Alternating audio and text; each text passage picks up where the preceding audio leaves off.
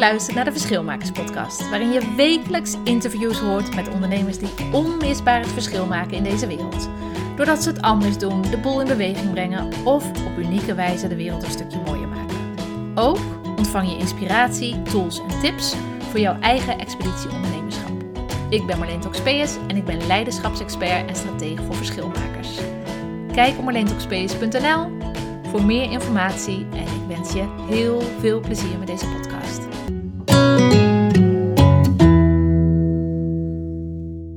En terwijl hier boven Den Haag echt een gigantische regenbui of een onweersbui, denk ik, losbarst, Ehm, ben ik weer live voor de laatste aflevering van de uh, Live Verschilmakers podcast voor mijn zomerstop. Ik ga zo meteen, het is wel goed om even te weten, anders zit je hier zo aanstaande maandag.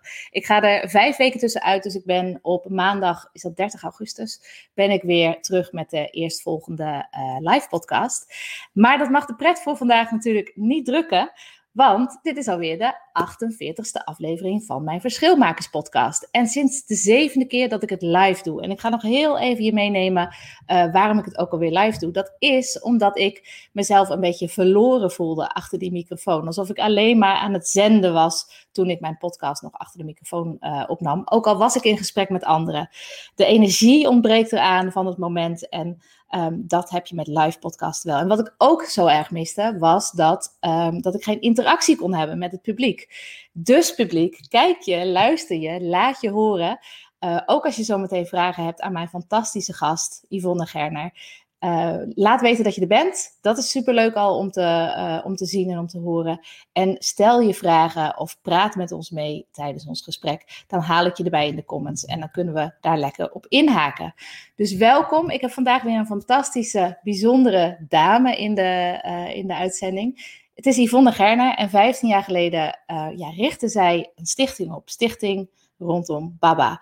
En daarmee, en Yvonne gaat me vast uh, corrigeren als ik iets fout zeg, maar daarmee stichtte zij een project in Mali op. En dat heette Heer Bogu. Ik weet niet of ik het goed zeg, maar dat horen we zo meteen. En dat betekent vrede, of oord van vrede. Nou, prachtig al. Dit is al een prachtige introductie natuurlijk. Ik denk dat het heel erg triggert tot de nieuwsgierigheid, want dat deed het bij mij wel. En wat wil ik nog meer over zeggen? Um, ja, en uh, het doel van haar project is uh, de visieuze, cirkel van armoede doorbreken. Nou, ik ben heel nieuwsgierig wat haar heeft gedreven, hoe ze wist uh, dat dit haar missie was en hoe ze daarmee omgaat. Nu ook nog na 15 jaar, want hou dat maar eens vol, al die, die tijd.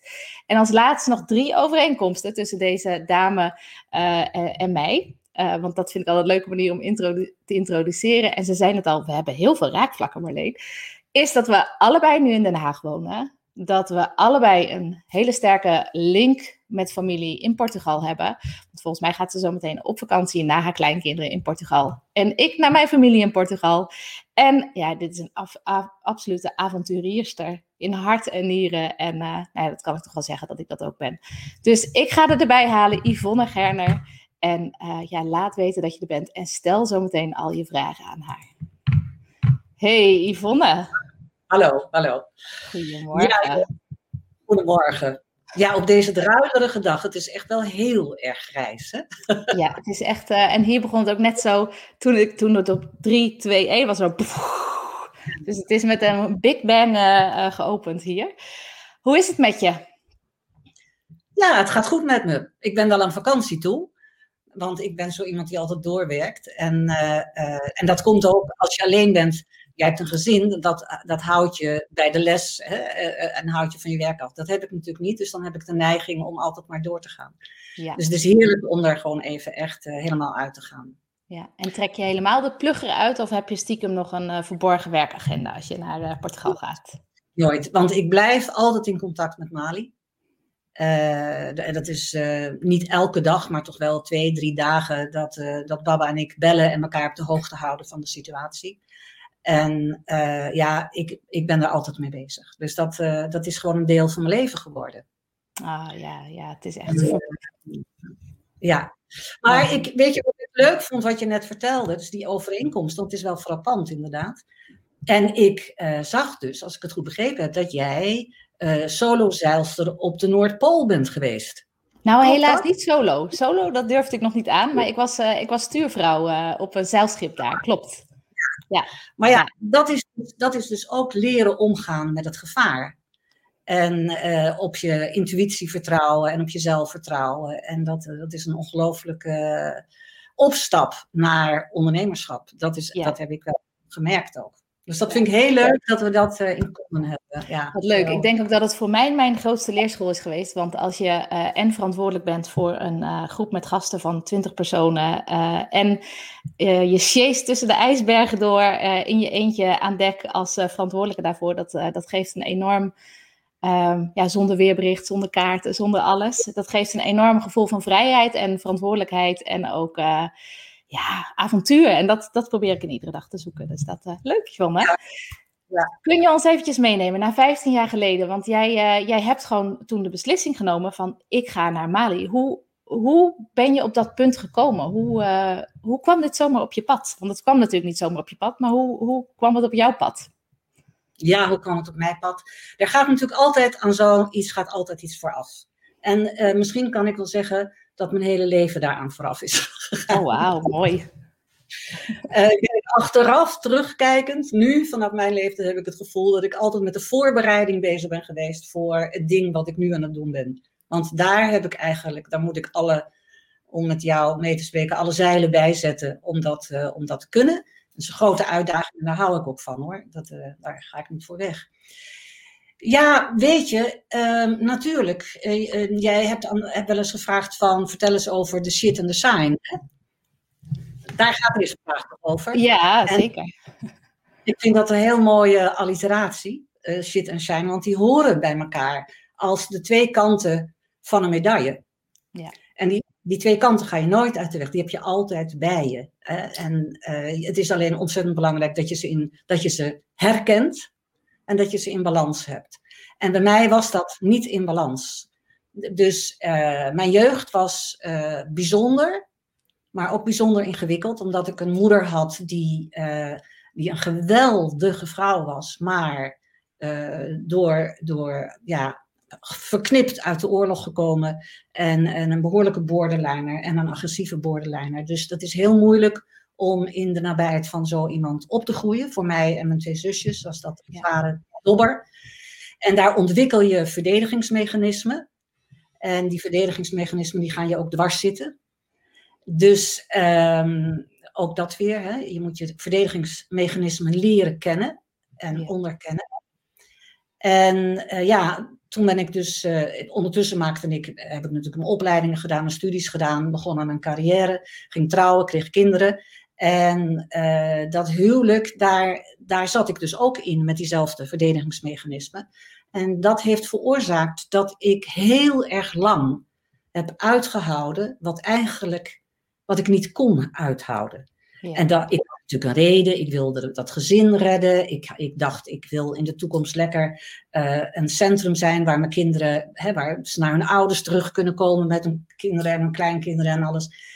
En dat wilde ik niet opgeven. En daarom ben ik heel ver buiten mijn grenzen gegaan. Ja. En dan komt er een moment, ja, dat dat gewoon uh, niet meer gaat. Nee. En ik werd ziek en um, ik was uh, heel erg ver mezelf kwijtgeraakt, kun je wel zeggen. En daar was een moment dat een van mijn kinderen op me afkwam. Ik lag in een ziekenhuis. En die kwam op me af en die was boos op me. En die zei tegen me: Ik wil geen moeder die slachtoffer is. En dat is eigenlijk ja, de, het sleutelgat geweest waardoor ja. ik ontsnapt ben. Wat een les uh, geven je kinderen je toch? ja, weet je, in je ik heb in mijn leven heel veel lessen van kinderen gekregen en van oude mensen. Nog steeds. Ja. Ik, dat, dat kom ik straks misschien even op terug. Maar goed, uh, toen was ik was zo ver van mezelf. Dus toen was ik gescheiden. Mijn kinderen waren dezelfde tijd gingen de deur uit. En uh, ja, ik, ik, uh, ik, was, ik, ik had het gevoel dat ik niemand meer was. Ja. En dan moet je gaan opbouwen. En dat ben ik gaan doen. Dat heb ik op een heel onorthodoxe manier gedaan, denk ik. En ja, daar, daar ben je toch wel een aantal jaren mee bezig. Dus tot tussen de 50ste en 58ste heeft dat proces geduurd. Ja, en toen vertrok ik. Toen was het project daar. Dus in die periode kwam, uh, kwam je in Mali en... Uh, want je, je ging daar reizen, toch? Zo ben je, zo ben je er terecht gekomen, of niet? Ja, want toen ik dus daar uit moest komen, uit die depressie en uit die, uit die situatie waar ik mezelf helemaal niet meer herkende, toen heb ik me voorgenomen, um, ik was, zat in die tijd op de opleiding in um, stemwerk. Ah, mooi. was bijscholing. En die man, die zei iets heel belangrijks tegen me. Die zei tegen me, je moet jezelf uit evenwicht brengen. Dus precies het omgekeerde wat ik dacht. Want, en letterlijk, hè, als je gaat staan en je brengt jezelf uit evenwicht, dan moet je iets doen uh, dat je niet valt. Ja. En die energie die er dan vrijkomt, dat is pure, pure energie. Dat, daar red je jezelf. Terwijl als je in een depressie zit, ben je altijd maar aan het malen in je hoofd. En dat houdt niet op. Dag en nacht gaat dat maar door. Ja. Dus ik dacht, daar moet het ik verlangen is dan ook alleen maar balans. Tenminste, toen ik depressief was, was mijn enige verlangen balans. Terwijl dit, dan is dit zo'n mooie boodschap van nee, het is het niet. nee, want uh, uh, je comfortzone, dus depressiviteit en uh, ongelukkig zijn en slachtoffer zijn, kan ook comfortzone zijn. Ja, uiteindelijk, ja. En dus Zeker je als je er al een hele tijd in zit, dan wordt het ook gewoon een, een soort jas. Dat is ook... ja. Dus je moet eruit. Dus je moet jezelf eruit trekken. Ja. En dat heb ik gedaan, zoals de baron van Münchhausen zo aan zijn nek, weet je wel, op zijn, dat beeld. Ik zat in de modder en ik trok zichzelf aan zijn nek eruit. Ja. Zo ben ik enge dingen gaan doen, gaan doen. Dus dingen die ik eng vond. Want ik dacht, dan heb ik geen tijd om, om te malen. Nou is enge dingen voor iedereen anders. Voor mij was dat dingen alleen gaan doen. Want ik was, had altijd mensen omheen gehad. Ja. Ja. Dus ik ik geloof dat ik begon met uh, dat ik een diepzeeduikcursus heb gedaan. En toen ben ik uh, op een kameel door de woestijnen de Sinaï gaan reizen. Ik ben uh, in een klooster gaan zitten. Ik heb nou, van alles en nog wat gedaan. En in het interview met Katja Schuurman keek zij me aan en zei: Moet, het echt, moet dat echt allemaal? Dat, dat kan je toch ook hier doen? En ja, ik pak dingen altijd groot aan en theatraal. Uh, maar natuurlijk kan je het in Lutjebroek ook doen. En in, ja. in of waar je ook woont, je kan het ook klein doen. Dingen die je echt. Naast iemand gaan zitten op een bankje in het park.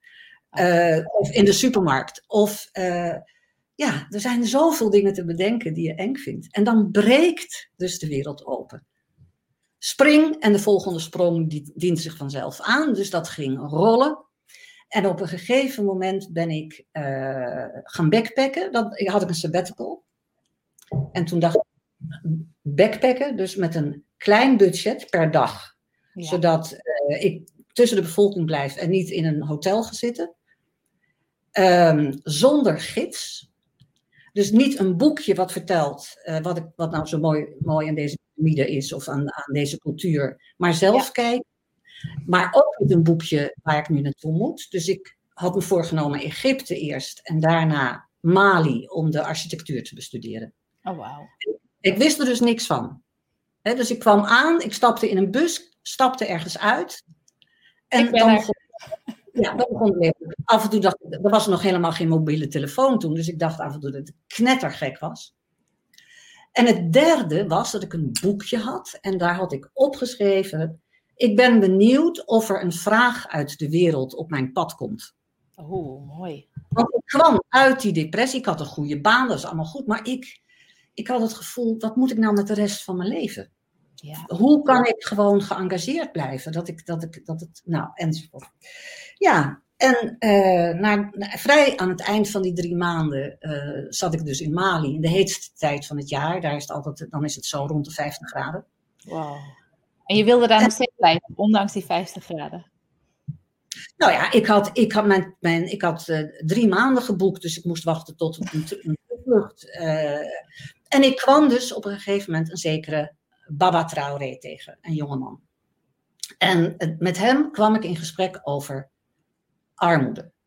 En ik was er gekomen voor de architectuur, maar het gesprek ging over wat ik daar zag. Ik zag zat in een bus en dan reed ik over die wegen door Mali. En dan stond er elke vijf meter een bord van een ontwikkelingshulporganisatie. Hè, dan heb je een heleboel namen. Ja. En daar stond op wat ze daar deden, maar ik, ik, ik, Zag zag, het niet.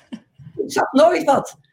Dus ik vroeg aan hem van, god, hoe zit dat nou? En toen bleek hij dus eh, ja, verstand van zaken te hebben, omdat hij ook vijf jaar voor een NGO gewerkt had. Ah, En daar was, mee, was daarmee gestopt, omdat hij zei, eh, ik ga nog liever dood van de honger dan dat ik dat nog doe. Want het werkt contraproductief.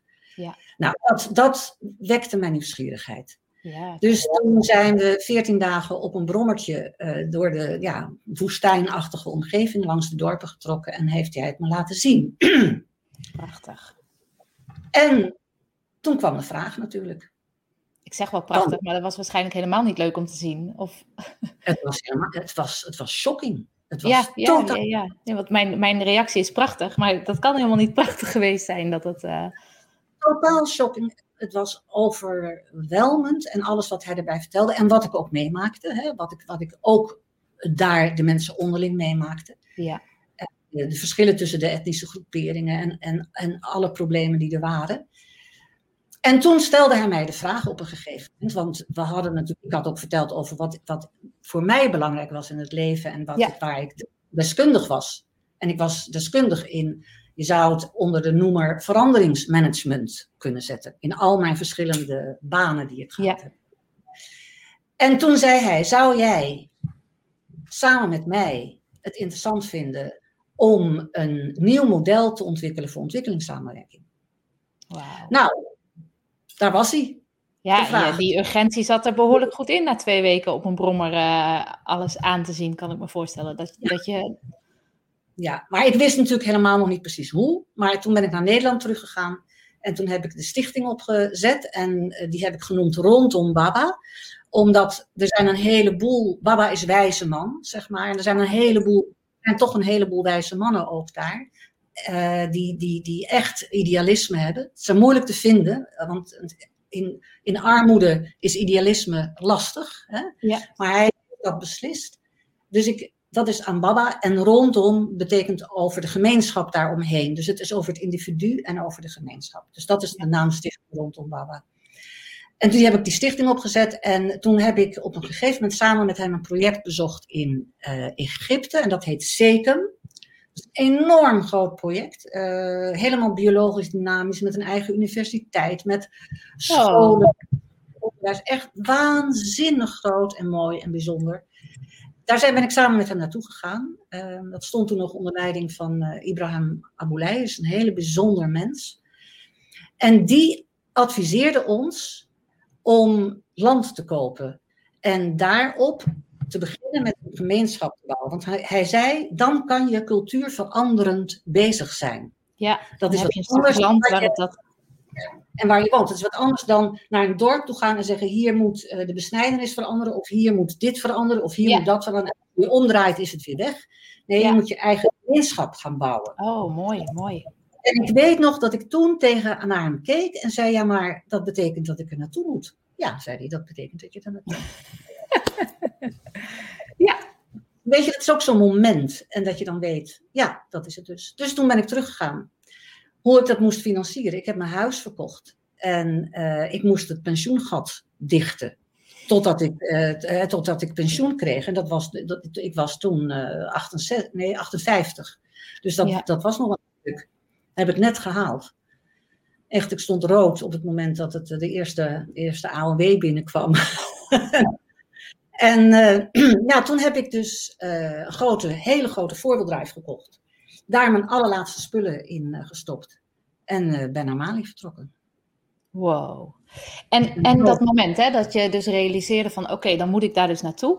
Voelde dat dan als heel erg logisch door alle stappen die je al gezet had? Of voelde dat van, oh my god, ik moet, eh, sommige mensen ze gaan dan in de lijstjesmodus of sommige mensen gaan dan heel erg naar hun gevoel, gaan eh, zich helemaal kapot mediteren.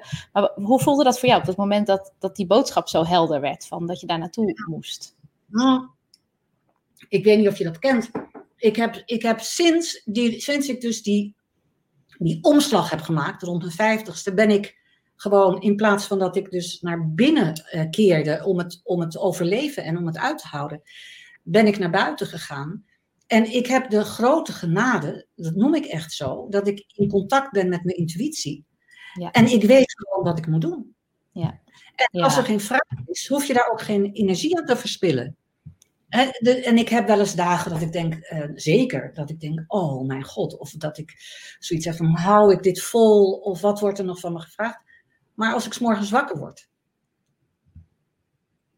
gaan. Dan is het er, ja, ja, ja, ja, ja. Dus dat is een zegen als je dat hebt. Maar ja. dat krijg je als je het geluk hebt dat je iets in de flow krijgt. En, en in de flow, dat betekent eigenlijk dat wat je denkt, wat je voelt en wat je wil, dat dat in één buis zit en dus stroomt. Ja, ja, ja, ja, ja, absoluut, absoluut. Prachtig. En, en toen je daar eenmaal uh, aankwam, toen heb je een stuk grond gekocht. Ja. Daar. Um, hoe ging het toen? Want uh, sprak je de taal? Ik kan me voorstellen, hoe, hoe gaat dat? Want je komt ook in een soort van. Uh, je, je hebt een plan, je hebt een idee, je hebt een soort stip op de horizon, maar dan de realiteit. Ja, dat was natuurlijk heel ingewikkeld, want uh, we hadden een plan. Maar ik kan zeggen, we hadden nauwelijks een plan. We hadden dus dat idee van die meneer Aboulijs die gezegd had, je moet een gemeenschap beginnen. En we hadden gewoon een groot huis voor me gehuurd. En dat was ook heel komisch, want um, voordat ik daar naartoe ging, vond ik dat Baba toch ook echt een keertje moest zien hoe ik hier leefde en woonde. Dus die kwam hier naartoe en ik had toen nog mijn huis, dat was nog niet verkocht. En uh, ik was uh, gescheiden voor de tweede keer, want ik was ondertussen ook nog een keertje, had ik nog een ander huwelijk gehad. in die hele depressief, depressietijd, als een, soort, als een soort poging om weer te shinen. Maar um, dus hij kwam in dat huis en dat, dat had vier kamers. Hè? En, hij, hij, uh, en Malinese in hun cultuur mag je niet direct een vraag stellen. Dus hij, hij liep naar het huis. En dan zei hij, uh, Yvonne, wanneer komen de anderen? zijn er nog geen anderen?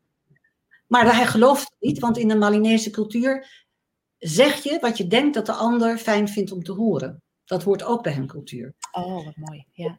Dus hij, hij dacht, uh, hij zei, nou, enzovoort. Dus dat ging dagenlang door. Elke dag vroeg hij, waar zijn, nou, waar zijn nou de anderen? Zei ik, zijn. Hij kon niet voorstellen dat ik in mijn eentje, zo'n, en het was helemaal geen kast, maar in, zo, in zo'n omgeving woonde. Dus hij ging terug naar Mali om voor te bereiden dat ik kwam. En hij had tegen al zijn de hele omgeving en zijn gezin en zijn familie en de kinderen en zijn vrienden en de politie en overal voorbereid dat ik kwam. Hij had een heel groot huis gehuurd met een enorme uh, uh, hek, muur eromheen en de grote poort. En hij zei, je moet er vooral met rust laten, want dat is gewend. Dus ik zat daar in mijn uppie in dat huis. en dan kwam hij één keer per dag op bezoek om te praten over uh, wat we gingen doen. En ja was natuurlijk een krankzinnige situatie. Maar toen kwam hij al vrij snel en zei hij, ik heb een stuk land gevonden. En uh, uh, ik zei, ja, dat is veel te vlug. Dat kan helemaal niet zo vlug. Nou, hij bleef aanhouden. En hij nam me mee over zandpaden. En toen kwamen we bij één hectare grond. En toen zei ik, ja, dit is het. En toen zei ik, en hoe, hoe zeg je uh, plek van vrede in het Malinees? En toen zei hij Hereboel, of Herre, Herre is het eigenlijk, Herreboel. Herre betekent vrede en Boekoe is plaats. Ah, ja. En herre zeg je de hele dag. Want als je iemand begroet, zeg je herrebe. En dat betekent is de vrede met jou. Ah, mooi. mooi. En het ander de vrede is met mij. En zegt vervolgens ook weer tegen jou herrebe. En dat gaat dan tien minuten heen en weer. En dan heb je dat gehad. Dan heb je de verbinding, maar, dat is de verbinding. Maar goed, ik moest me dus, ik moest, ik, wat, ik, wat je als toerist niet hebt, of als mens die dus aan backpacken is door zo'n land, maar als je er dus gaat wonen wel, je moet je dan, dan ben je uh, een allochtoon, hè? Ja. En je snapt er geen bal van. En alles, alles, alles is anders dan je denkt. En je maakt ja. enorme blunders. En, en het zal ook niet zo geweest zijn dat er heel veel allochtonen dan in de buurt aanwezig waren. Dat, dat, dat ze al... Die waren, die waren er toen nog wel, uh, want dat was voordat de oorlog in 2012 uitbrak. Er waren toen waren nog toeristen, maar toen, je, je, het zat dus vol met die ontwikkelingshulporganisaties. Ja. Die in kantoren zaten, in mooie uh, airconditioningskantoren. Uh, heel veel jonge mensen, het, het stikte er daarvan. Ja. Maar dat zijn expats En die blijven in hun eigen cultuur, in hun eigen groep. Ja, absoluut. En dat was mijn opgave. Ik moest die cultuur in. Dus, en daar heeft Baba, dat heeft hij onvoorstelbaar gedaan, pedagogisch ook.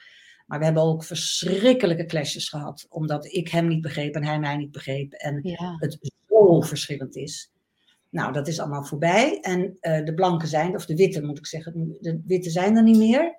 En ik ga dus op een soortement undercover wijze uh, daar nog naartoe. Maar dat is dus wel heel gevaarlijk. Ja. Ja, ja, dat kan me voorstellen. En hoe je, um, toen had je een stuk grond, toen had je een, een soort van idee. Dat idee werd misschien steeds een beetje helderder. Maar toen, want als je de taal niet spreekt, ik heb een Portugese man, uh, wij spreken drie talen aan tafel. Wij spreken, ik spreek Nederlands met de kinderen, hij spreekt Portugees met de kinderen. We verstaan elkaar en als we het uh, moeilijk vinden in elkaars taal, dan spreken we Engels. Dus het, dat, dat zorgt bij mij thuis al dagelijks voor misverstanden. Ik kan me voorstellen dat als je daar in een taal en een cultuur die je totaal. Portugal en Nederland denk je ook, nou die cultuur is ongeveer hetzelfde. Absoluut niet. Uh, dus dat Mali, Nederland, ik kan me voorstellen dat alles anders is. Hoe, hoe ben je daarmee omgegaan met dat alles anders is? Ja, nou er zijn uh, misschien wel twintig talen in dat land. Want al die etnische groeperingen waar we werken, spreken allemaal verschillende talen, verstaan elkaar zelf vaak elkaar niet eens. Nee verkoppelende taal is kan. Nou, ik kan, ik kan het als nu, dat kan ik nu heel klein beetje verstaan, en, maar nog niet zelf spreken. Op de markt kan ik me uh, overeind houden. Ja. Dus het gemeenschappelijk is Frans, maar dat is van ons allemaal niet onze eigen taal. Nee. nee. Maar er is één heel groot voordeel. En dat is dat ik dus voor het grootste gedeelte te maken heb met analfabeten. En analfabeten zijn beelddenkers en niet ja, oh, abstract. Ja. En elkaar begrijpen in het abstracte is heel moeilijk. dus dat is wat jij een, een abstract gesprek met Baba, dat accepteert hij overigens ook niet. Hè? Dan tikt hij me onmiddellijk op de vingers. Uh, en ik heb uh, heel veel opleidingen gehad in voordragskunst. En ik ben verknocht aan sprookjes, uh, de wereldliteratuur, al die soort dingen. En dat zijn altijd beelden. Ja. Dus ik kan spreken in beelden. En uh, dat, ja, dat gaat dus heel erg goed. Ah, fantastisch, ja. ja. En het gaat ook mis, maar hè, we kunnen, Baba en ik kunnen elkaar spreken en de volgende dag blijkt dat we totaal andere, twee totaal verschillende dingen. We zijn gesprek hebben gevoerd. Ja, we zijn nu, nu niet om. En hij zegt bijvoorbeeld met mijn gardien, dat is de man die dus zorgt dat ik te eten heb en dat ik het overleef daar in die zware, ingewikkelde uh, woestijn. Uh, Baba die zegt, ja, als jij met je, met je met Zedu praat, nou, jullie begrijpen elkaar helemaal niet.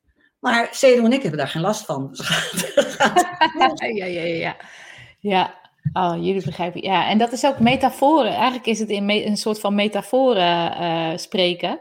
Dat is ook met trainen en met coachen en met alles. Daar haken mensen op aan, want iedereen heeft daar weer zijn eigen vertaling uh, van. Dus beeld, ja, beelden, ik, uh, ik hou wel van met kinderen ook. Ik, schrijf, ik, schrijf, ook blogs, hè, dus ik heb daar ook over geschreven. En metafoor is mijn lievelingswoord. Metafore in het Italiaans. Ik vind het zo mooi. Oeh, in het Italiaans klinkt nog mooier. maar je hebt een vraag gesteld, hoe, hoe we dat dan gingen doen. Ja. Um, kijk, uh, als je zegt de vicieuze cirkel van de armoede doorbreken, dan denk je misschien in eerste instantie als uh, uh, onbekend zijnde hiermee, dan denk je meteen, nou, dan moet dus geholpen worden, moet geld gegeven worden en dan moet dat, dus dan denk je aan economische hulp. Ja, vanuit ons perspectief zou dat inderdaad, zou dat het model zijn. Groot en klein. Maar die armoede, die zit helemaal niet alleen op het economische gebied. Het zelfs omgekeerd, op het economische zijn ze aan één kant, in ieder geval in Mali, waar ik daar ver op ons vooruit, of vanuit hun traditie, hebben ze nog dingen die hun samenleving garandeert hun dat ze in leven blijven. Dus ze hebben prachtige systemen, daar moet je ook gebruik van maken. En dan kun je komen tot, tot een situatie waar je op, op het economische het geld uh, altijd beweegt. Dus tussen hun beweegt en rolt. Oh. Geld is in Mali niet van jouzelf, is niet privé. Het is een, is een community ding. Een, uh... En daar zitten hele mooie systemen in. En dat is wat wij op ons project waar we dus mee werken. En daar is Baba een meester in om dat, om dat te organiseren. Maar dan is de armoede op het gebied van de ziel, om het zo maar even te zeggen, kan ik ook zeggen, aan de ene kant heel rijk, want ze hebben natuurlijk hun tradities. Maar die tradities werken niet meer in de huidige wereld. En ze hebben een ontzettende achterstand in informatie, in ervaring, ervaring vooral. Ja. Uh, Baba wel eens uitschold van hoe, hoe haal je dit in je hoofd? Dat kan je toch zelf wel verzinnen? Dan keek hij me aan en dan zei hij, Yvonne, jij hebt je hele leven ervaringen kunnen opdoen. Dat begon al als klein kind. En daarna en daarna en daar. En jij kunt werken vanuit die ervaringen, die hebben wij niet. Ja. En dan, nou, dat, dat, dat raakt je. Weet ja, je? Dat ik voel hem. En ik vroeg, ik op een gegeven moment dacht ik van, ik ga die mensen hun biografie laten vertellen. Dat is leuk voor mijn blog. Nou, dan praat ik dus met iemand. En dan zeg ik, nou, je werd geboren, ja, in dat dorp. En toen? Ja, toen was ik bij de koeien. Ja, en toen dan? Ja, nog bij de koeien. En toen, nou, toen ben ik hier gekomen. Ja, meer is er niet te vertellen. Nee. Dat is die armoede. Hoe kun je van mensen die dus niet in de gelegenheid zijn geweest om al die ervaringen op te doen, verwachten hè, dat ze uit die vicieuze cirkel kunnen komen? Ja, ja. Dus daar, dat is dus het gat waar ik inspring, zeg maar. En dan heb je nog een derde laag. Dus dat, dat is, ja, uh, dus het ervaringen op uh, mogen doen. En dan, dus je hebt het economische, je hebt het sociale, waar, eh, waar, waar ik op, op het terrein van ons dus regels stel, hè, vanaf het begin af aan. En dat geeft dus de orde. En als je orde hebt in het sociale leven, dan kan, je, kan het sociale gaan plaatsvinden. En dat is niet discrimineren. Geen verschil tussen man en vrouw. Er wordt niet geslagen. Er worden geen pesticiden gebruikt. Het goed is voor de mens, dan zorgt de mens goed voor de aarde. Nou, allemaal zulke soort regels. En daar heb je je aan dat is, En dan begint een nieuw sociaal systeem tussen de mensen te gaan functioneren. En het derde laag is het, wat ik noem het cultureel, uh, spirituele, geestelijk, hoe je het noemt. Daar zit het onderwijs, daar zit eh, de vrijheid van religie, daar zit dat je mag worden wie je bent en dat je niet een kloon hoeft te worden van degene die jou onderwijs geeft. Ja. Um, ja, want dat is ook bij ons is dat het, zijn die twee gebieden, hè, dat sociale en dat culturele, zijn een groot probleem. En het economische ook, want het is alleen maar gericht op uh, uh, ja, industrie en. En, uh, hoe, en op gebaande paden. Ja, en de marktwerking, hè, dan hebben we het daar over. Ja. Dus die drie levels, dus als je, een, als je ergens een veranderingsproces in gang wil zetten, moet je op die drie levels werken. Ja. En dan zijn zij in staat dus door het die vorm te bieden. En bij, dat, bij die vrijheid, eh, die dus zit in dat culturele, hè, want daar, je, je mag als mens denken wat je wilt. Die gedanken zijn vrij, zong mijn moeder vroeger altijd. Ik weet niet of je dat liedje kent. Nee, nee, nee, nee. Maar het klinkt, prachtig, het klinkt heel prachtig. En um, op dat gebied, daar doe ik de oefeningen. En die zijn een hele belangrijke speel. Dus het, het omgaan met geld is de ene speel. Ja. Uh, de regels hè, die zich in het, in het ja, rechtsleven afspelen in de tweede speel. En uh, de derde zijn dus die oefeningen waarin we leren naar elkaar, uh, ja, met elkaar om te gaan. Ook. En dat is, ja. En hoe kwamen de mensen dan bij je? Want volgens mij zijn, komen er nu aardig, zijn op, uh, op het land aardig wat mensen bij elkaar, die ook allerlei activiteiten met elkaar doen. Maar dachten ze niet eerst, wat moeten we daar? Wat, wat, uh, maar Google was daar misschien ook wel in jouw. Hoe, hoe ging dat? Hoe, hoe, hoe vertrouwden de mensen jou om, om zeg maar op dat stuk land te komen? Uh, om zich te ontwikkelen, ook wat dat, uh, wat dat aangaat. En met elkaar te verbinden. Wat. wat, wat Ja, dat is gewoon heel organisch gegroeid. En in de eerste jaren, voor 2012, voordat de oorlog kwam, kwamen er ook heel veel mensen die dus op een of andere manier van ons gehoord hadden. En die dus nieuwsgierig waren naar zo'n ander soort van ontwikkelingssamenwerking. Ja. Uit de hele wereld. Chinees, Amerikaan, de, overal vandaan. Ik had ook, ook studenten van de universiteit in Zweden. Uh, dus mensen die daar kwamen kijken. Ik had altijd een groot de tafel helemaal vol. Er werd alle talen gesproken. Het gekke was, daar voelde Baba zich helemaal niet zo thuis. Die trok zich daarvan terug. Dat was Ja. die hele omgangsvormen, daar, daar kon hij helemaal niks mee. En ehm, eh, eh, verder hadden we, eh, het begon met dus die gardien, Sedu, die, die is vanaf het begin erbij geweest. En wat mensen uit de omgeving van Baba, die absoluut allemaal iets anders wilden, iets nieuws wilden, Ja. weten hoe. En hele eenvoudige mensen. Bijna geen mensen die naar school zijn geweest. Want de mensen die naar school gaan, het is een westers schoolsysteem. En dat past niet, sluit niet aan op het traditionele leven. Die kinderen, als die naar zes jaar op een lagere school hebben gezeten in een klas met honderd kinderen, die kunnen nog nauwelijks schrijven of lezen, maar ze kunnen zich niet meer verbinden met het gezinsleven en het leven op het land. Kwijtgeraakt. En dus dat veroorzaakt een enorme kloof in dat land. Ja. En generaties die eigenlijk helemaal niks meer kunnen. Eh, ik, kan, ik heb school gehad, dus ja, wanneer komt nou dat vervolg, die baan?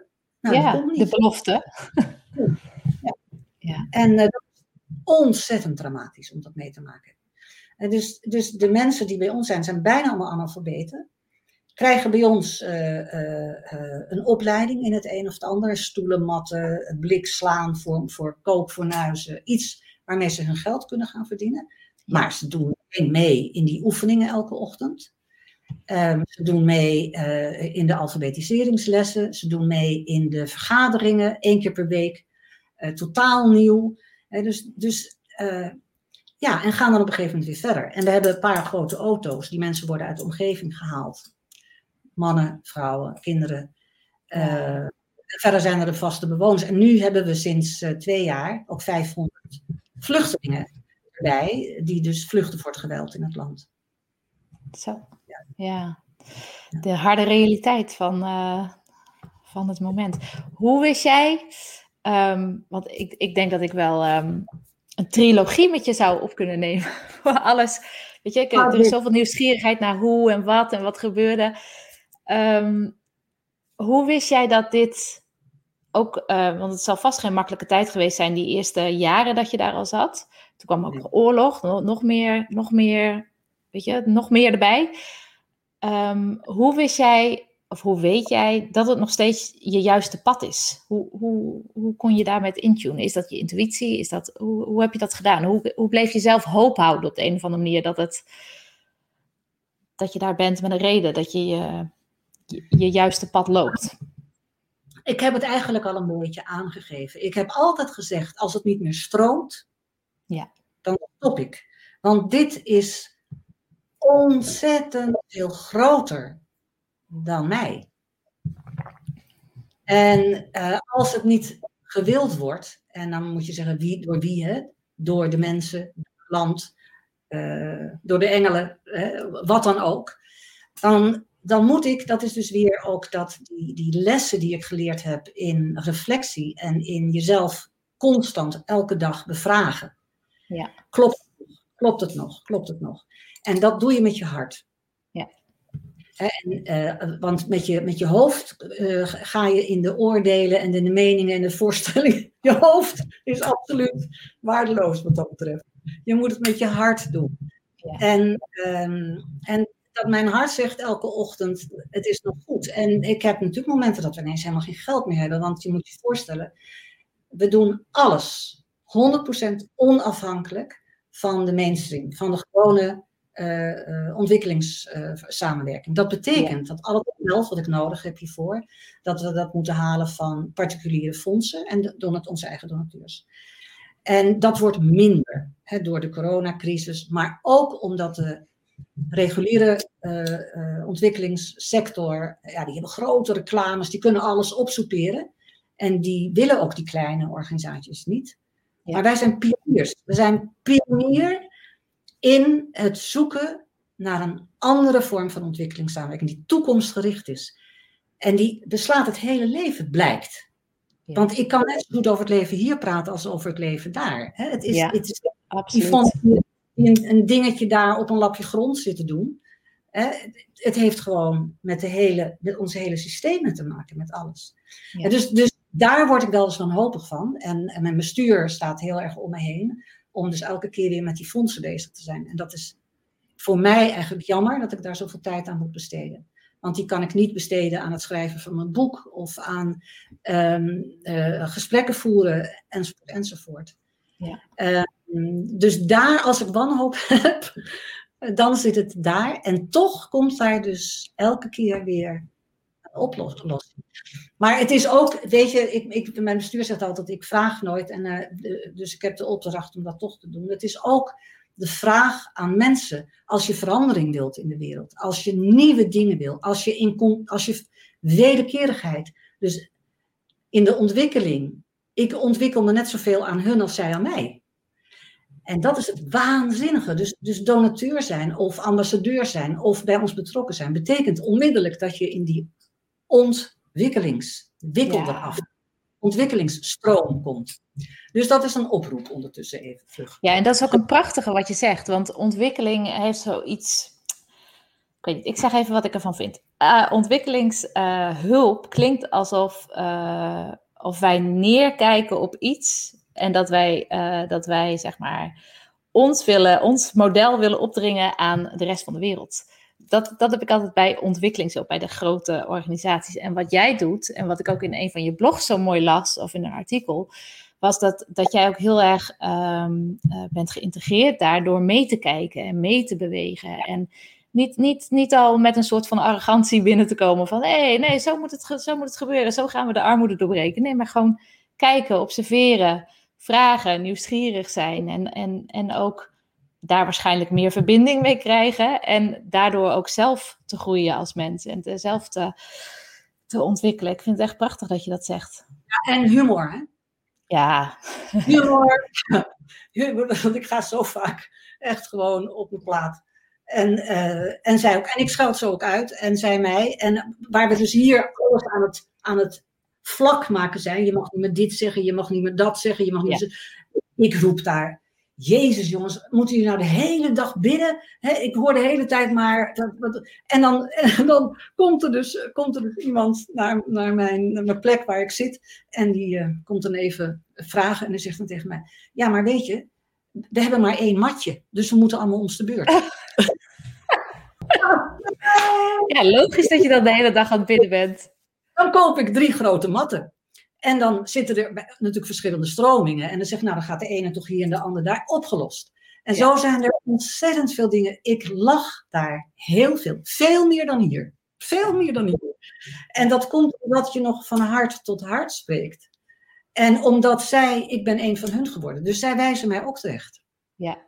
en dat is, en het is het is ook wel herkenbaar voor mij. Ik heb een Portugese schoonfamilie en uh, ik heb ook vroeger ook een jaar in, in Spanje gewoond. Als je een nieuwe taal leert al, ik lach me kapot om mezelf al. Ik ben veel minder serieus met mezelf als ik in Portugal ben, want ik weet dat ik fouten ga maken. En het is gewoon een vraag of het er 50 zijn of dat het er 500 zijn op die dag. En dan kan, als je daar met een hele serieuze instelling bijvoorbeeld in gaat zitten, ja, dan, je, dan ga je daar niet lang overleven of vind je het niet leuk daar. Maar als je daar gewoon met humor om, omgaat, en mijn schoonmoeder kan het gelukkig ook heel erg goed. Wij, ik probeer haar, ze begrijpt ondertussen zelfs mijn grappen af en toe. dus dat is, uh, dat is ook wel een verbinder als je, als je gewoon. Ja, en Baba is, is geniaal. Die is gewoon. Kijk, als ik weer eens aankom met iets, dan kan hij me zo heel rustig aankijken en dan zegt hij: uh, Is dat weer uh, de psychologie van de Occident? Occident is het beste. En ik zet hem gewoon op zijn nummer. Maar ze hebben er in hun eigen systeem ook mee te maken. Dus binnen, binnen hun, je hebt dus de mensen die dus zeg maar opgeleid en opgevoed zijn onder westerse invloeden. Hmm. Die zijn niet één met de bevolking. En daar is dus het, het kolonialisme en het postkolonialisme en de ontwikkelingshulp heeft daar natuurlijk een enorme rol in gespeeld. En uh, eigenlijk, zegt Baba wel, is, ben, zijn wij op het punt waar ik op mijn vijftigste was. Oh, dat, je jezelf kwijt bent doordat, er, dat er, doordat ze zo niet zichzelf hebben mogen worden, ja. al generaties lang, dat ze gewoon de weg kwijt zijn. En daar, daar, zegt, ja, daar ga ik mee aan de slag. En dat is natuurlijk gewoon om te huilen zo mooi. Ja, prachtig. Prachtig, echt waar. Wat is de, als je zo op die 15 jaar terugkijkt, en het is misschien een onmogelijke vraag die ik stel, dus uh, wuif hem weg als het niet uh, lukt, maar wat is de mooiste les die je uh, van, van het land Mali en van de Malinese bevolking hebt geleerd? Goh, nou, je had je niet aan zien komen, Nee, ja, had ik, moet, ben ik nu allemaal weer vergeten door het gesprek. Het zijn natuurlijk honderden lessen, ja. zonder maar um, een van de grote lessen die Baba mij leert is richt je naar het licht. En het klinkt een beetje, een beetje zweverig. Wat hij bedoelt is dat ik, toen ik daar aankwam en tot en met nu, zie ik natuurlijk de feestelijke effecten van het Westen. Niet altijd slecht bedoeld. Ook heel veel goed bedoeld. Maar dat is weer die twee kanten van een medaille. Als je iets goeds wil doen, heeft dat altijd ook een andere kant. Ja. En dat heeft voor rampen gezorgd. En die rampen, die zie ik en die maak ik mee. Hè? Het begin al maar dat, dat het Westen zijn wapens moet verkopen, zijn pesticiden, zijn, zijn kunstmest, zijn hele bliksemse boel. Dat is voor ons, levert het iets op. Hè? Je moet je afvragen eh, of we daar nou zo gelukkig van worden, maar het levert in ieder geval een, een rijk leven op. Voor hun is het een complete ramp. En twee kanten van die medaille. En dat vind je door alles heen. En ik was zo verbijsterd uh, ik, ik, ik, ging ook actie voeren en dat heeft me bijna mijn leven gekost, want dat wordt natuurlijk helemaal niet geaccepteerd. De, de gevestigde die wil helemaal niet dat daar een juffie uit Nederland komt en die zegt van, zeg mij nou besodemieterd, deel, dat, deel die rijst uit en stop hem niet in je pakhuis, hè, dat soort dingen. Ja, ja. Maar hij heeft non-stop tegen me gezegd, Yvonne, spaar je energie. Want als je daarnaar kijkt, dat is de duisternis van de systemen die in de wereld heersen. Dan word je gevangen in het systeem. Dus kijk naar wat je aan het doen bent en hou daar je energie. Ja. Dat is een les die ik nog steeds, nou elke dag is overdreven, maar nog steeds moet leren. Uh, want ik, ik wil natuurlijk ook eigenlijk vertellen over wat allemaal fout gaat. Ja, ja. En en dat is natuurlijk eigenlijk helemaal niet goed. Ik, ik moet alleen maar vertellen hoe waanzinnig bijzonder het kan zijn om je op deze manier met ontwikkelingssamenwerking bezig te houden. En mensen uitnodigen en zeggen, nou, als je daar deel van uit wil maken van zoiets bijzonders, be welcome en, en werk mee. Ja. Hoe kunnen dus mensen. Ja. En dat, dat, is ook een les voor iedereen, denk ik. Van keer je tot het licht. Ook al ben ik, zit ik in mijn ondernemersbubbel hier in Nederland. Kijk, je kunt uh, uh, van iedere campagne vinden van wat je nog kunt verbeteren of wat, wat er mis is gegaan. Maar als je kijkt waar je groei wel zit, daar groei je ook veel sneller mee. En het geeft je, het geeft je energie in plaats van dat het je ook helemaal leeg trekt misschien wel. Uh. Nou ja, kijk naar, naar binnen toe. Hè, als ik, want, want daarom hou ik het ook vol, omdat ik dus steeds reflecteer. En omdat ik, zoals ik al eerder zei, naar mijn eigen verdedigingsmechanisme kijk. En mhm. daardoor elke keer weer opnieuw uh, in een situatie, nieuw in een situatie kan gaan. Um, dat is ontzettend. Dat is dus naar binnen kijken, hoe ga ik met mij om? Naar buiten kijk je naar het licht, maar dat betekent niet dat je gaat vliegen. Hè? Nee. Ik bedoel, ik ga echt wel met mijn benen op de grond, want anders zou ik hier niet meer zitten. Nee. nee. Dat gaat niet. Dat is wat ik bedoel. Ik ben niet zomaar een juffie die daar een beetje daar leuk uh, iets aan het doen is. Ik moet, ik moet het, het is, het is, ik moet alles bevechten. En dat moet jij met je onderneming ook. Ja. En dan moet je je weg in zoeken, stap voor stap voor stap voor stap. En daar zijn natuurlijk heel veel oefeningen voor. En de oefeningen die ik daar doe, dat, dat noem ik de zielengymnastiek oefeningen. Heet eigenlijk eurythmie, uh, pedagogische eurythmie, zoals het op de vrije school wordt gegeven. Ah, ja. Ja, ja. Die oefeningen die zijn ongelooflijk. En ik geef ze ook wel hier. Maar door de corona is daar natuurlijk ook een beetje roet in het eten gekomen. Ja. Maar er zijn natuurlijk heel veel oefeningen die je met jezelf kan doen dagelijks. Ja, zeker. We zijn wordende mensen. We zijn niet klaar, we zijn niet af. Nee, gelukkig niet. Dat zou ook wel heel erg saai worden, toch, als je af bent? Ja. Yvonne, je, tegenwoordig woon je in, uh, in Nederland weer. Uh, wanneer, ben je weer. wanneer ben je weer teruggekomen in Nederland? Nou ja, ik zat daar negen maanden per jaar. En dan was ik hier, hier met de kinderen en logeerde ik overal. Uh, maar toen die oorlog begon, werd dat natuurlijk toch wel steeds lastiger. Uh, en had ik behoefte om hier een, uh, pied-à-terre te hebben, om het zo te noemen. Een stek waar ik mijn kleren kon laten liggen. En toen had ik een hele goede vriendin en die had een appartementje helemaal 100% gemeubileerd. Zelfs de handdoeken zijn niet voor mij. Dus ik, ik leef licht. Ik heb bijna ik heb weinig van mezelf. Een autootje heb ik tegenwoordig. Ah. En uh, dus daar kan ik dus nu leven.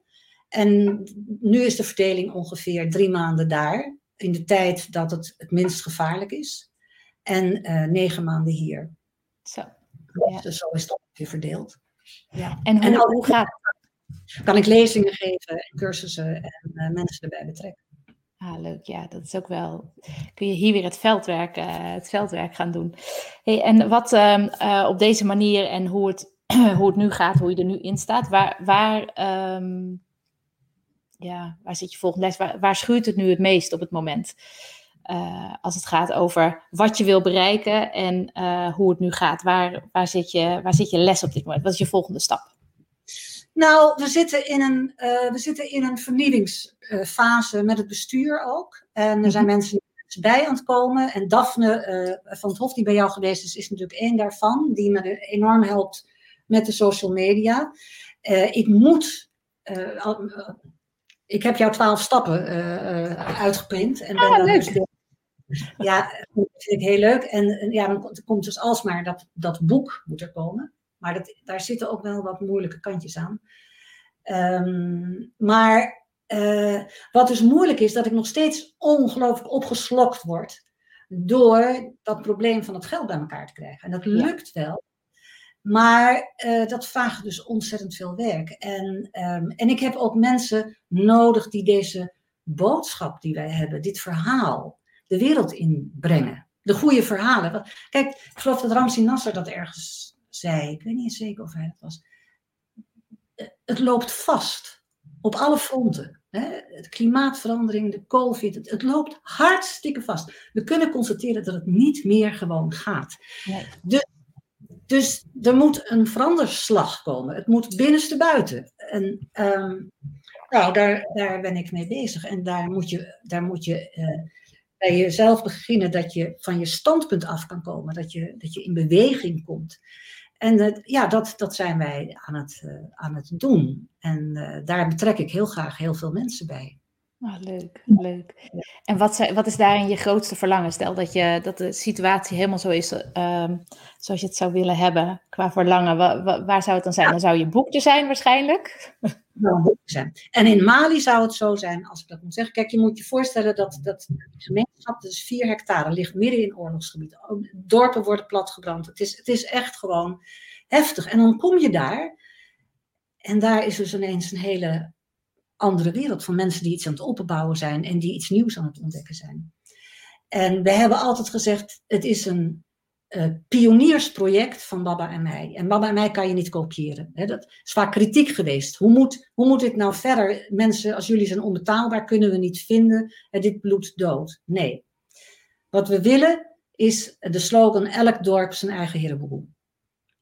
En hoe we dat doen, kijk, de situatie is natuurlijk nu buiten de muren nog buitengewoon lastig. Maar we bouwen allemaal kleine bedrijfjes op binnen de muren. Als die sterk genoeg zijn, kunnen die, kan zo'n bedrijfje gaan verplaatsen naar een dorp. En daar dus een eigen omgeving ontwikkelen. Altijd in contact blijven met het moederproject. Ja. Hè, dan daar beginnen. En dat is net zoals met het krijgen van kinderen. Als vader en moeder ben je ook pioniers en je bent niet vervangbaar. En dan gaan je kinderen de wereld in en die gaan het op een eigen manier doen. En dat moet je ook accepteren en dat moet je loslaten. Ja. Maar de boodschap gaat door. dus wat we aan het doen zijn, wat Baba en ik aan het doen zijn, is zaaien, om het zo maar even te zeggen, in het land. Uh, uh, dit, dit, ja, dit doorgeven, zodat het opgepakt kan worden. Dus als ik kijk naar de toekomst, denk ik, elke dorp zijn eigen heleboel. Oh. En dat dus die miljoenen die verloren gaan tussen de goede bedoelingen van de mensen die storten op een, op een hulporganisatie en denken ik doe iets goeds daarmee, maar die, die blijven in die tussenlaag hangen. Als die miljoenen hierin zouden kunnen vloeien, wauw. Ja. En dat, dat wij groter willen worden, maar we willen overal zaaien. Ja, oh, prachtig. Mooi, uh, prachtig verlangen, Yvonne. En ik hoop dat dit daar misschien een hele kleine bijdrage aan kan geven. Uh, hoe, als mensen meer over uh, de stichting willen weten en denken van, goh, dit, dit spreekt me enorm aan. en, want mijn gevershart wordt hier wel door getriggerd. waar kunnen ze dan meer vinden hierover? Ja, nou, we hebben natuurlijk een website, maar die is in... Um dat zal je net zien. Die is, in, in, in, die is binnenkort klaar. En daar kan je dus nog terecht. Um, maar je kan terecht. Eén, Baba-blog. Daar schrijf ik mijn verhalen. als je gewoon in die Baba-blog kom je daar vanzelf. Um, het tweede is natuurlijk mijn Instagram-account. En dat is rondom underscore. Uh, rondom. Oh jeetje, nu weet ik het zelf niet. Rondom, rondom Baba. Rondom Baba underscore nu. En u. Dan zit je in mijn Instagram. Daar zie je filmpjes daar kan je natuurlijk ook contact met mij krijgen via dat of via de Baba-blog. Eh, dat, dat gaat vanzelf. En binnenkort kun je ook op de website. En er zijn heel veel verschillende manieren. Je kunt schenken, je kunt nalaten, je kunt uh, donateur worden. En dat kan je op twee manieren. Door, door zelf een, een regelmatige overmaking te maken of door uh, een incasso. Je kunt je hulp aanbieden. Je kunt me uitnodigen. En ik denk dat dat een hele belangrijk is. Wat jij gedaan hebt. Dat is geweldig. Uh, en dat hoop ik steeds meer te kunnen gaan doen. En ook steeds meer mensen. Kijk, een verhaal van mij is zo dat ik altijd vind dat de mensen die luisteren uh, met iets naar huis komen en denken: Jeetje, wat heb ik nou gehoord? Dit heeft met mij te maken. Ja. Dus het, het is altijd wederkerig. Ja. Ja, en Over, Want het, jouw verhaal, alles wat je net verteld hebt, voor de mensen die misschien later inschakelen. En voor mij geeft het wel twintig herkenningspunten. Ook al is het gaat over Mali en de, en de, en de bevolking daar. Het gaat over, uh, over iedere samenleving en over iedere verandering. Daarom denk, ik dat jij ook zo de juiste persoon daar bent met je verander uh, achtergrond dat, uh, ja, dat hebben we overal. Ik als moeder ook. Ik, uh, toen ik moeder werd, veranderde ook, ik ook weer. Als ondernemer verander je weer. Als, er is continu verandering, dat is leven. Dus dat uh, prachtig dat je daar bent. Ik heb nog een aantal vragen voor je. ondertussen heb ik even in, in beeld gezet hoe mensen jou kunnen vinden. Um, een vragenregen voor vandaag. Alhoewel het begint weer een beetje op te klaren hier. um, wat is het, het ding of het, uh, het iets waar jij op dit moment het meest dankbaar voor bent? nou, daar, dat schoot van de week door me heen. Ik ben het meest dankbaar voor mijn moeder. Ah. En ik heb de shit van haar gekregen. Alle, uh, zeg maar, uh, alle, ja, ik heb me daaruit moeten knokken. En dan is uiteindelijk, is de shit de shine, hè, zoals jij dat noemde. Ja. Uh, ik weet niet hoe het met me zou gegaan als ik niet deze enorme weerstand had gehad. En zij was een bijzonder mens en daar profiteer ik nu van. En uh, dat is heel bijzonder, want tot op het laatst was ze een monster. Echt. Ah. Kan ik zo zeggen. Dat doet pijn om te zeggen, maar ik was wel zo. En, en agressief en heel moeilijk. En, en toch uh, ben ik er heel erg dankbaar. Ah, prachtig, Yvonne. Prachtig, hè? Wat is één ding waar je de hele dag over praat? kan het bijna raden, maar misschien is het iets anders. Ach ja, er zijn zoveel dingen waar ik over praat, maar waar ik mee leef innerlijk en, dat, dat, en waar ik de kracht uit haal, dat is de, dat is de wereldliteratuur, de poëzie. De poëzie en uh, de verhalen en de sprookjes, dat is waar ik de beelden uithaal en mij steunen en helpen. Want daar, daar staat alles al in. Shakespeare, neem Shakespeare. Dat, die, die, dat gaat, die zegt het je allemaal. Shakespeare zegt in Hamlet: Wees aan jezelf getrouw. Want daaruit volgt, als uit de nacht de dag, dat je aan jezelf niet ontrouw kunt zijn. Uh, dat je aan de ander niet. Of de zeggen, wees aan jezelf getrouw, want daaruit volgt dus uit de nacht, de dag, dat je aan anderen niet ontrouw kan zijn. Dus je, je, moet, je, moet, die, je, moet, je mag niet buiten, buiten gaan wie je bent. Nee. Je moet bij jezelf houden en daarvoor moet je jezelf kennen. Dus ik ben altijd en eeuwig, en dat zeggen mijn kinderen ook over mij, bezig met zelfkennis.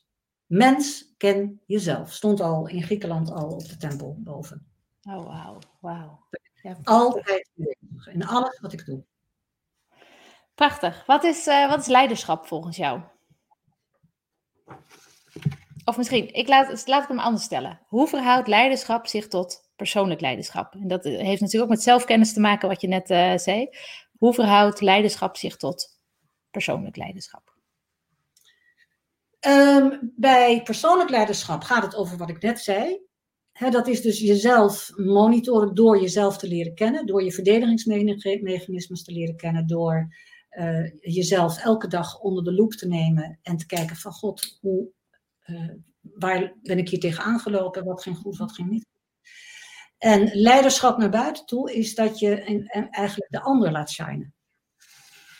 Dus ik, ik, herinner me in een van mijn banen, waar ik aangetrokken was om, voor het verandermanagement, dat ik op een gegeven moment koffie stond te drinken in de keuken. En er was een heel groot uh, bureau, een heel groot atelier met 35 architecten. En we stonden zo, het zoomde daar. Net zoals het op Hereboel zoomt. Het moet altijd zoomen van mij. Dan, dan zitten die, die drie uh, in de flow. En die zei tegen mij, uh, ongelooflijk hè, die stemming. En het is helemaal vanzelf gegaan.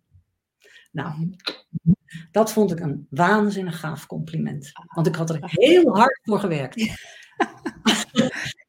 maar dat mensen het gevoel hebben dat ze het zelf doen. En dat is voorwaarde voor ontwikkelingssamenwerking. Ja. Anders is het weg op het moment dat je er niet bent. Nee, ik vind hem ook zo mooi. Uh, uh, die hoor je ook wel. Uh, creëer geen volgers, maar leiders. Een leider is iemand die andere leiders creëert in plaats van volgers. In deze tijd heel belangrijk. Volgers is een probleem. Ja. maar dat is ook Mensen doen dat gauw. Ook mij, ik, ik word ook af en toe gevolgd. En dat is niet wat ik vraag. Nee. En soms is het ook eerst nodig om te volgen om ook die stap te kunnen zetten natuurlijk. Dat is ook uh, om eventjes erin te kunnen, kunnen komen. Wat, uh, wat is wat jou betreft een, uh, een enorme inspirator als leider? Literatuur. Ja, hè? Oh, mooi. Deze is mooi verhalen, de, de, de, eh, de, de Homerus, de Odyssee en de Ilias. De, er zijn zo ongelooflijk veel, de grote wereldverhalen, waar het allemaal al voor gedaan wordt. Prachtig, ja. Mythologie, schitterend. Daar zit allemaal in verborgen. Ja. Welk boek ligt er nu op je nachtkastje? Of uh, oh. welk boek ben je nu aan het lezen? Ja, uh, Ramsi Nasser. Ik ben het aan het luisteren. Vind ik een must voor iedereen, de fundamenten. Uh, echt een mast, want hij krijgt van elkaar om als een soort, soort helikopterview boven het systeem te gaan hangen waar we in zitten, met de COVID en de hele en de klimaatveranderingen enzovoort enzovoort. Ja. En dan ook nog aan het eind uh, perspectief te geven. Ik, ik, ik, ik heb het gegeten, ik vind het fantastisch. En ik vind dat iedereen daarnaar moet luisteren, of, uh, want hij leest het zelf voor, dus dat is al verrukkelijk.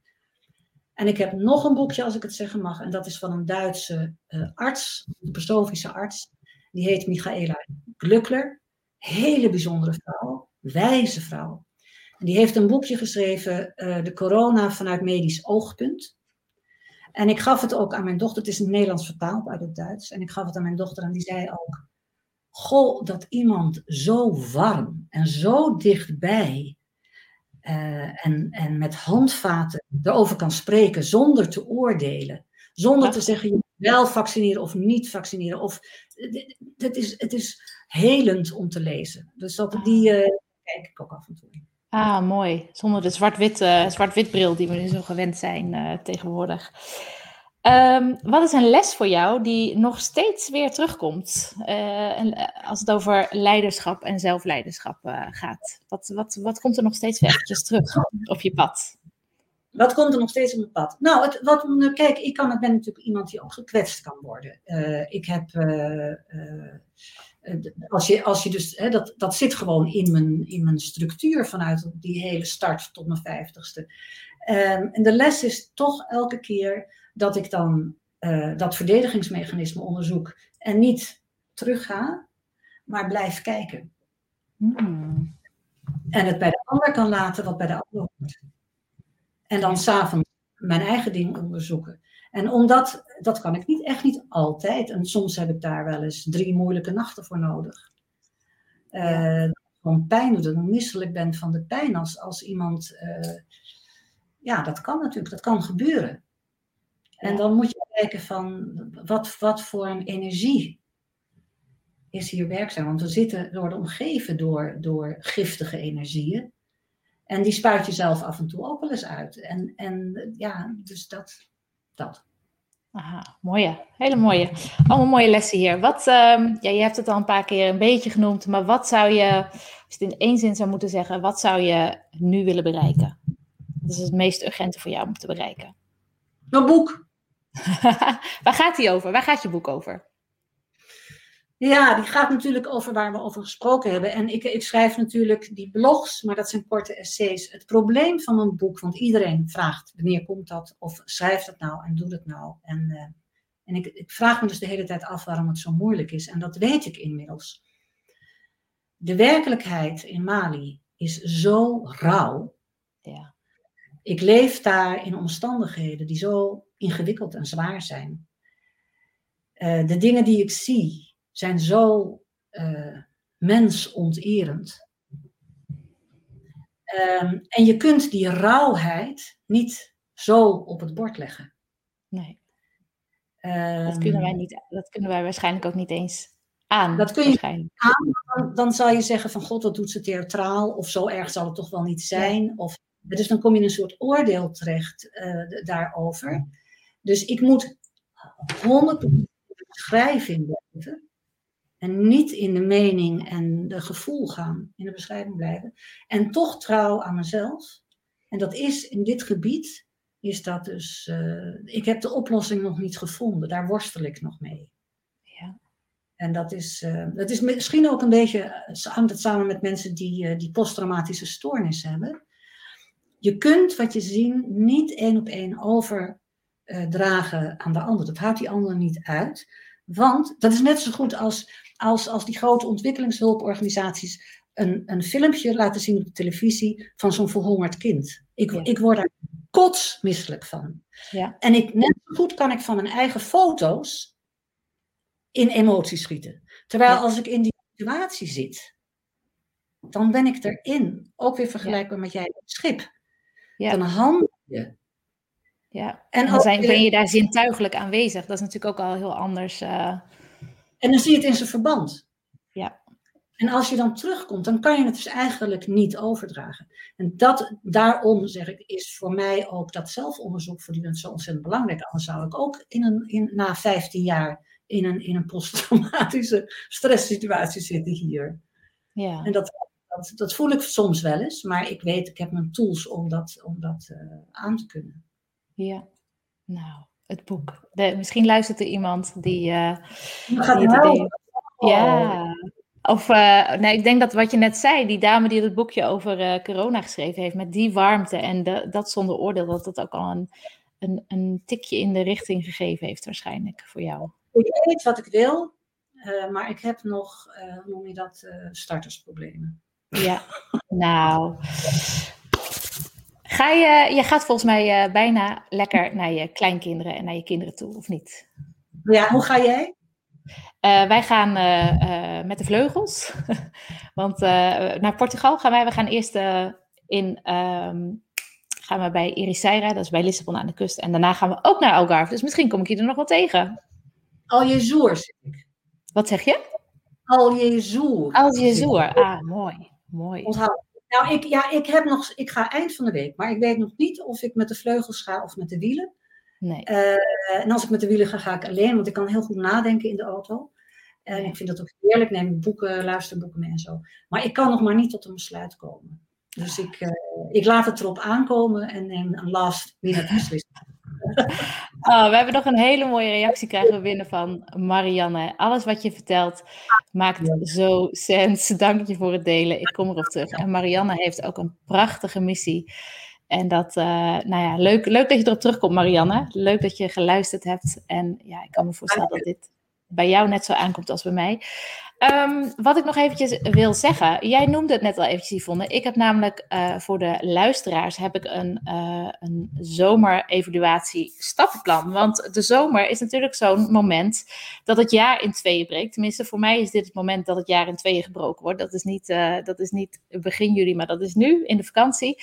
En ja, evalueren en reflecteren is zo'n belangrijk moment. Of je nou in loondienst bent, of je nou je eigen baas bent of je een project of een uh, prachtige stichting hebt, zoals Yvonne. Het is belangrijk om te evalueren en te reflecteren, om je lessen te trekken, zodat je ook weer verder kunt. Dat je gewoon de dingen achter kunt laten, je shit kun je achterlaten en je shine neem je mee naar, de, naar het volgende helft van 2021, om daarin gewoon dat het makkelijker gaat, dat je nog verder kunt groeien. Je geeft je er eigenlijk een soort Pokon boost mee, uh, wat je ook wel bij de, bij de planten uh, geeft. Dus wil je ook evalueren, dan kun je mijn uh, stappenplan daarvoor downloaden via marleentoxps.nl slash blue. Um, ja, Yvonne, bedankt voor alle inspiratie en bedankt voor je prachtige verhaal. Ik weet bijna zeker dat ik je nog wel een keer zou willen uitnodigen in de toekomst. Dat de, de wil is er in ieder geval. Marianne zegt nog ademloos. Ik heb ook ademloos naar jou geluisterd. En um, heb je nog iets toe te voegen? Ben ik nog iets vergeten? Zullen we nog één keertje noemen waar mensen meer kunnen vinden over jou en rondom Baba? Ja, ook op LinkedIn ben ik te vinden onder Yvonne Gerner en onder rondom Baba. Facebook, ik doe niet veel met Facebook, uh, maar ik sta erop. Uh, dat is dus, en op het Instagram en de Baba blog, daar kun je gewoon echt mijn verhalen lezen. En uh, de, website komt eraan. En schroom niet om contact met me op te nemen. Wil je dolgraag doneren of wat dan ook? Want het is nog niet zo makkelijk doordat die website er nog niet is. Of wil je bijdragen of wil je iets betekenen? Laat het dan weten. Maar ik had ook nog even een vraag. Oh ja, nee, en wij gaan zeker nog een keer koffie drinken, toch? Ja, zeker. Nou, ik ben in Den Haag. Na, na de vakantie maken we, een, uh, maken we een date, wat mij betreft. En jij had mij ook iets aan mij gevraagd. Daar heb ik me wel voorbereid. Of ik drie punten, of moet dat niet hier? Nou, ik heb ze al, of tenminste, ik dacht ze al te horen door het verhaal, uh, door het verhaal heen. Um, of zijn ze heel anders? Dan gaan we het gewoon nu nog als. Uh, ik, wat mijn idee kan ze heel snel zo zeggen. Oh, Oké, okay, nee, want dan, uh, ja, noem ze maar, noem ze maar. Ja. Eén, kom altijd uit je comfortzone. Is één. Uh, spring, hè, springen gewoon, want dan gaat het wel verder. Ja. Twee is vertrouw op je hart. Want daar stroomt het bloed. Ja. Daar sta je in contact met jezelf. En uh, dat hoofd, dat, die gaat zijn eigen weg. En ga, oh ja, ik heb een hele mooie, ga slapen met een vraag. Oeh, die is mooi. Ik heb een hele mooie uh, uh, quote van Rudolf Steiner, dat is de antroposoof, uh, maar die, die, die geeft ongelooflijke wijze dingen mee. En een van die dingen is, en dat doe ik in Mali, um, leg je zorgen in de zinkende zon, opdat ze de volgende ochtend als helpende gedachten bij je terugkeren. Ah, Wauw. En die doe ik. Ja. En dat echt, dat, dat, je kunt soms zo in de shit zitten, door wat voor omstandigheden Zodat je, leg je zorgen in de zinkende zon. Zodat ze niet Mooi. meer hier. En dan gaat die zon onder de aarde door en komt op de volgende dag met zijn helpende gedachte. Dus dat is de tweede. En de derde is, doe zielengymnastiek. Dus niet gymnastiek met je lijf alleen, maar even een combinatie van lichaam en lijf. En dat is dus verander regelmatig van standpunt. Ga op een andere plek aan tafel zitten, want dan zie je het anders.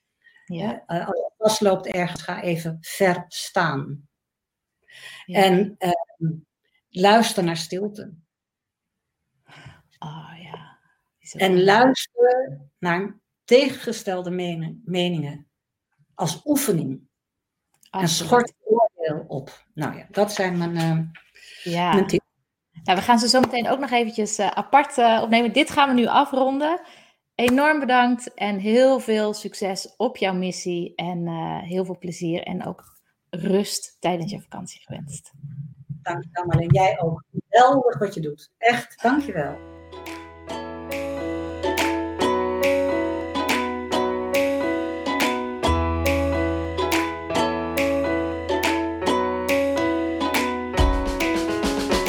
Hey, ik ben dus super benieuwd wat deze podcast-aflevering bij jou in beweging heeft gezet. En ik wil je vragen, deel alsjeblieft je inzicht, je vraag of je mening met me. En omdat het zo cool is voor mij, omdat ik dan eindelijk voel wat mijn podcast voor jou betekent als verschilmaker. En anderzijds natuurlijk om ook uh, het gevoel te krijgen waar ik, waarmee ik jou verder kan helpen in een volgende aflevering. Deel het met me via social media. Maak een screenshot terwijl je luistert en schrijf daarop je vraag, je inzicht of je opmerking. En tag mij Marleen Toxopeus daarin. Of mail me via marleen.ondernemerstrainer.nl. Dat is natuurlijk de, de veiligere variant.